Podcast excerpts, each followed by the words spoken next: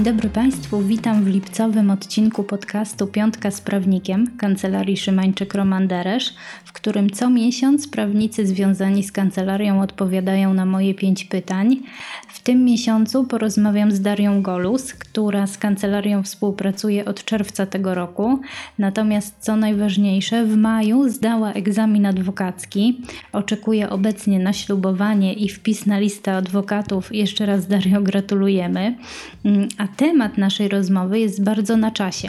Mianowicie 9 czerwca tego roku prezydent Andrzej Duda podpisał ustawę z dnia 28 maja 2021 roku o zmianie ustawy Kodeks postępowania cywilnego oraz niektórych innych ustaw. W praktyce oznacza to znaczne zmiany w funkcjonowaniu polskiego wymiaru sprawiedliwości i informatyzację postępowania cywilnego. Dario, czy mogłabyś powiedzieć nam więcej na ten temat? Dzień dobry Państwu. E, zgadza się, w czerwcu tego roku została podpisana nowelizacja kodeksu postępowania cywilnego oraz niektórych innych ustaw. Tym samym została dokonana duża zmiana poprzez digitalizację postępowania cywilnego. Celem tego działania było usprawnienie pracy sądownictwa, zmniejszenie ryzyka epidemiologicznego, łatwiejszy dostęp obywatela do wymiaru sprawiedliwości, a także dostosowanie sądów do realiów XXI wieku. Wiele zmian należy pochwalić, chociaż część z nich wydaje się dosyć kontrowersyjna. Największą zmianą, którą zauważą wszystkie osoby zaangażowane w spór cywilny, jest przyjęcie jako zasady prowadzenia rozpraw za pośrednictwem środków komunikacji na odległość z jednoczesnym bezpośrednim przekazem obrazu i dźwięku, czyli za wykorzystaniem internetu.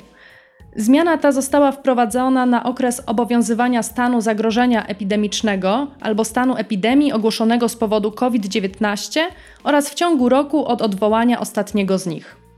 Oznacza to, że zarówno strony postępowania, sąd, świadkowie, a także biegli nie będą udawać się do sądu na rozprawę, do jego budynku, lecz do swoich komputerów. Warto dodać, że ustawa przewiduje, że osobom nieposiadającym odpowiednich urządzeń technicznych na ich wniosek zostanie zagwarantowany dostęp do nich w sądzie.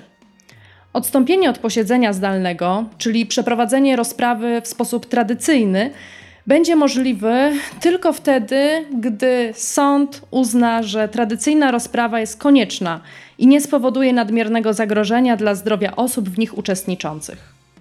Taka zmiana rzeczywiście wydaje się bardzo wygodna, ale też trochę abstrakcyjna.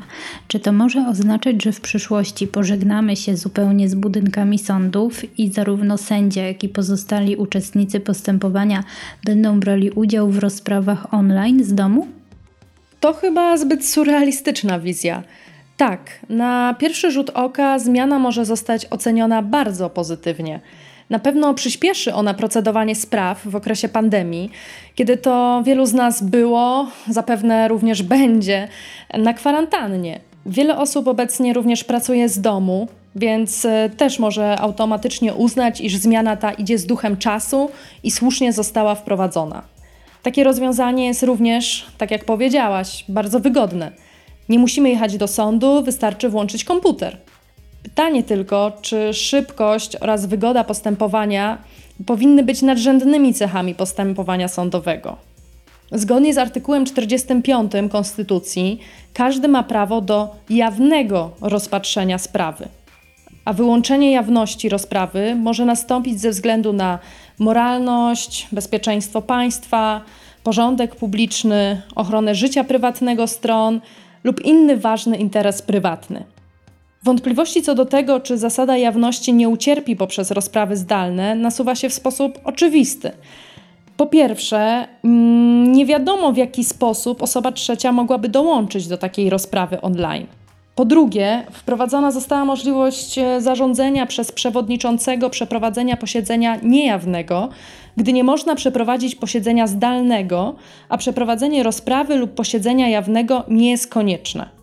Zastanawiające jest, kiedy taka sytuacja może się przydarzyć, skoro zgodnie z innymi przepisami sąd jest zobowiązany na wniosek danej osoby zapewnić mu możliwość techniczną uczestnictwa w rozprawie zdalnej.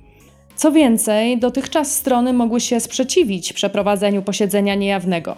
Teraz nie będą miały takiej możliwości. Jak wspomniałam wcześniej, sąd może odstąpić od posiedzenia zdalnego, gdy uzna, że tradycyjna rozprawa jest konieczna i nie spowoduje nadmiernego zagrożenia dla zdrowia osób w nich uczestniczących. Niestety nie jest jasne, co przez tą konieczność ustawodawca miał na myśli. Nie zostało to nigdzie wytłumaczone. Kolejna kwestia to zeznania świadków. Usłyszenie zeznań świadka na żywo jest czymś innym niż ich przeczytanie czy też obejrzenie poprzez transmisję online. Rozprawa na sali była zawsze kulminacyjnym elementem całego procesu. Na sali to pojawiają się emocje, człowiek w sposób naturalny jest bardziej szczery. W dodatku jest widoczne, że się świadek zeznaje w pełni samodzielnie. Nikt nie mówi mu, co ma powiedzieć, nikt nie wpływa na jego zeznania. W związku z tym uważam, że rozprawy online będą dla wszystkich z uczestników sporu dużym wyzwaniem. Samą ideę rozpraw zdalnych w obecnych czasach należy ocenić pozytywnie, ale tak samo jak część moich kolegów, uważam, że lepszym rozwiązaniem byłoby wprowadzenie możliwości rozprawy zdalnej, lecz nie ustanawianie postępowań sądowych online zasadą. Wracając do Twojego pytania, głęboko wierzę, że budynki sądów przetrwają i zarówno sędziowie, jak i pełnomocnicy stron, jak i same strony będą dążyły do powrotu rozpraw offline. Daria, opowiedziałaś nam o rozprawach zdalnych, natomiast y, to nie wszystkie zmiany, jakie zostały wprowadzone. Jakie jeszcze nowości nas czekają? Również na okres obowiązywania stanu zagrożenia epidemicznego albo stanu epidemii ogłoszonego z powodu COVID-19 oraz w ciągu roku od odwołania ostatniego z nich, prowadzona została zasada rozpoznawania spraw w składzie jednego sędziego, zarówno w pierwszej, jak i w drugiej instancji. Przypomnę, że dotychczas rozpoznawanie spraw przez sąd w składzie jednego sędziego było zasadą w pierwszej instancji, ale też z wyjątkami. E, wyjątkiem były wskazane sprawy z zakresu prawa pracy oraz ze stosunków rodzinnych. W sprawach tych w skład sądu wchodził jeden sędzia jako przewodniczący oraz dwóch ławników. W drugiej instancji zasadą było orzekanie w składzie trzech sędziów. Teraz to jeden sędzia będzie musiał wziąć na swoje barki samodzielne rozpoznanie sprawy w drugiej instancji. To może budzić pewien niepokój. Warto jednak dodać, że zarówno w pierwszej, jak i w drugiej instancji prezes sądu może zarządzić rozpoznanie sprawy w składzie trzech sędziów, ale tylko wtedy, gdy uzna, że wymaga tego szczególny zawiły charakter sprawy lub jego precedensowość. Kolejną nowością wprowadzoną nowelizacją kodeksu postępowania cywilnego oraz innych ustaw jest zmiana procedury doręczania pism sądowych. Daria, rozumiem, że mówiąc o doręczaniu pism sądowych, masz na myśli portal informacyjny sądów powszechnych. To jest coś, co wzbudza duże kontrowersje wśród prawników. Wytłumacz proszę, na czym ta zmiana, ta nowa procedura polega. W okresie obowiązywania stanu zagrożenia epidemicznego albo stanu epidemii ogłoszonego z powodu COVID-19 oraz w ciągu roku od odwołania ostatniego z nich, pisma sądowe będą doręczane profesjonalnym pełnomocnikom, czyli adwokatom, radcom, rzecznikom patentowym oraz prokuratorii generalnej za pośrednictwem portalu informacyjnego sądów powszechnych. Doręczanie przez portal informacyjny nie dotyczy pism, które podlegają doręczeniu wraz z odpisami pism procesowych stron lub z innymi dokumentami niepochodzącymi od sądu. Nowelizacja ta ma na celu ograniczenie ilości korespondencji, a także przyspieszenie jej obiegu, przyspieszenie obiegu korespondencji między sądem a pełnomocnikami.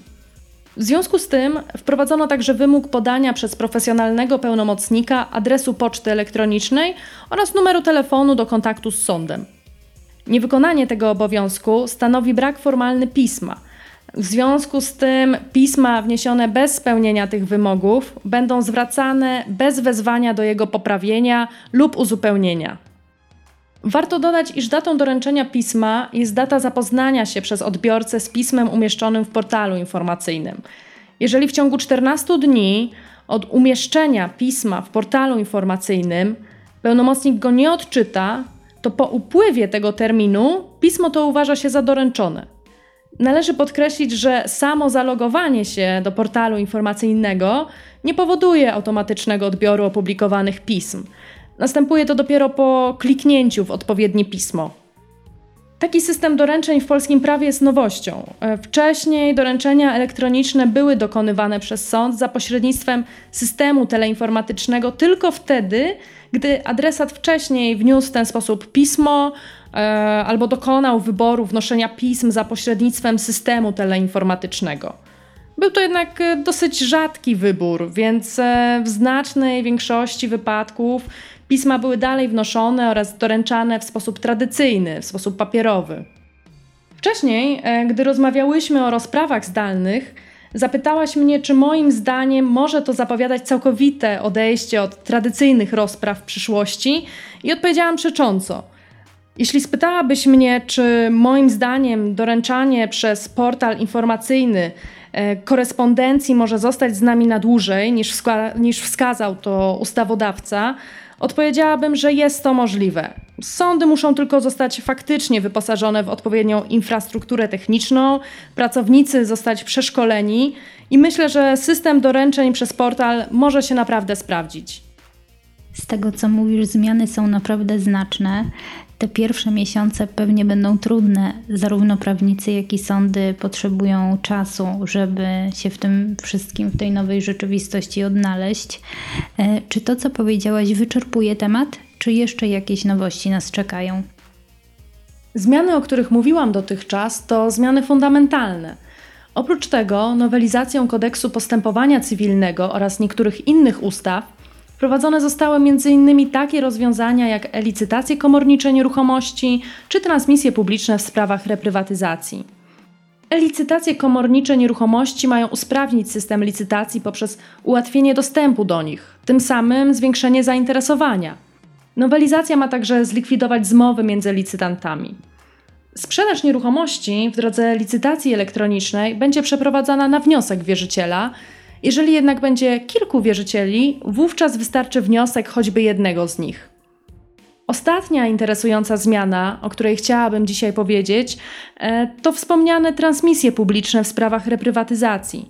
Przebieg rozpraw sądów administracyjnych rozstrzygających sprawy reprywatyzacji nieruchomości warszawskich podlegać będzie transmisji publicznej przy użyciu urządzeń technicznych z jednoczesnym bezpośrednim przekazem obrazu i dźwięku. Ma to na celu przyczynienie się do większej kontroli społecznej nad tym obszarem działalności sądów. Szanowni Państwo, Dario, to już wszystkie pięć pytań, które chciałam Ci dzisiaj zadać. Mam nadzieję, że ten odcinek usystematyzuje, uporządkuje trochę wiedzę na temat zmian, z którymi obecnie mamy do czynienia i być może stanie się pewnego rodzaju kompendium wiedzy w tym zakresie. Dario, Tobie bardzo dziękuję za wyczerpujące odpowiedzi, a Państwa zapraszam tradycyjnie na sierpniowy odcinek podcastu już za miesiąc i zachęcam do śledzenia naszej strony internetowej i profilu na LinkedIn. Do usłyszenia. Bardzo dziękuję i również zapraszam.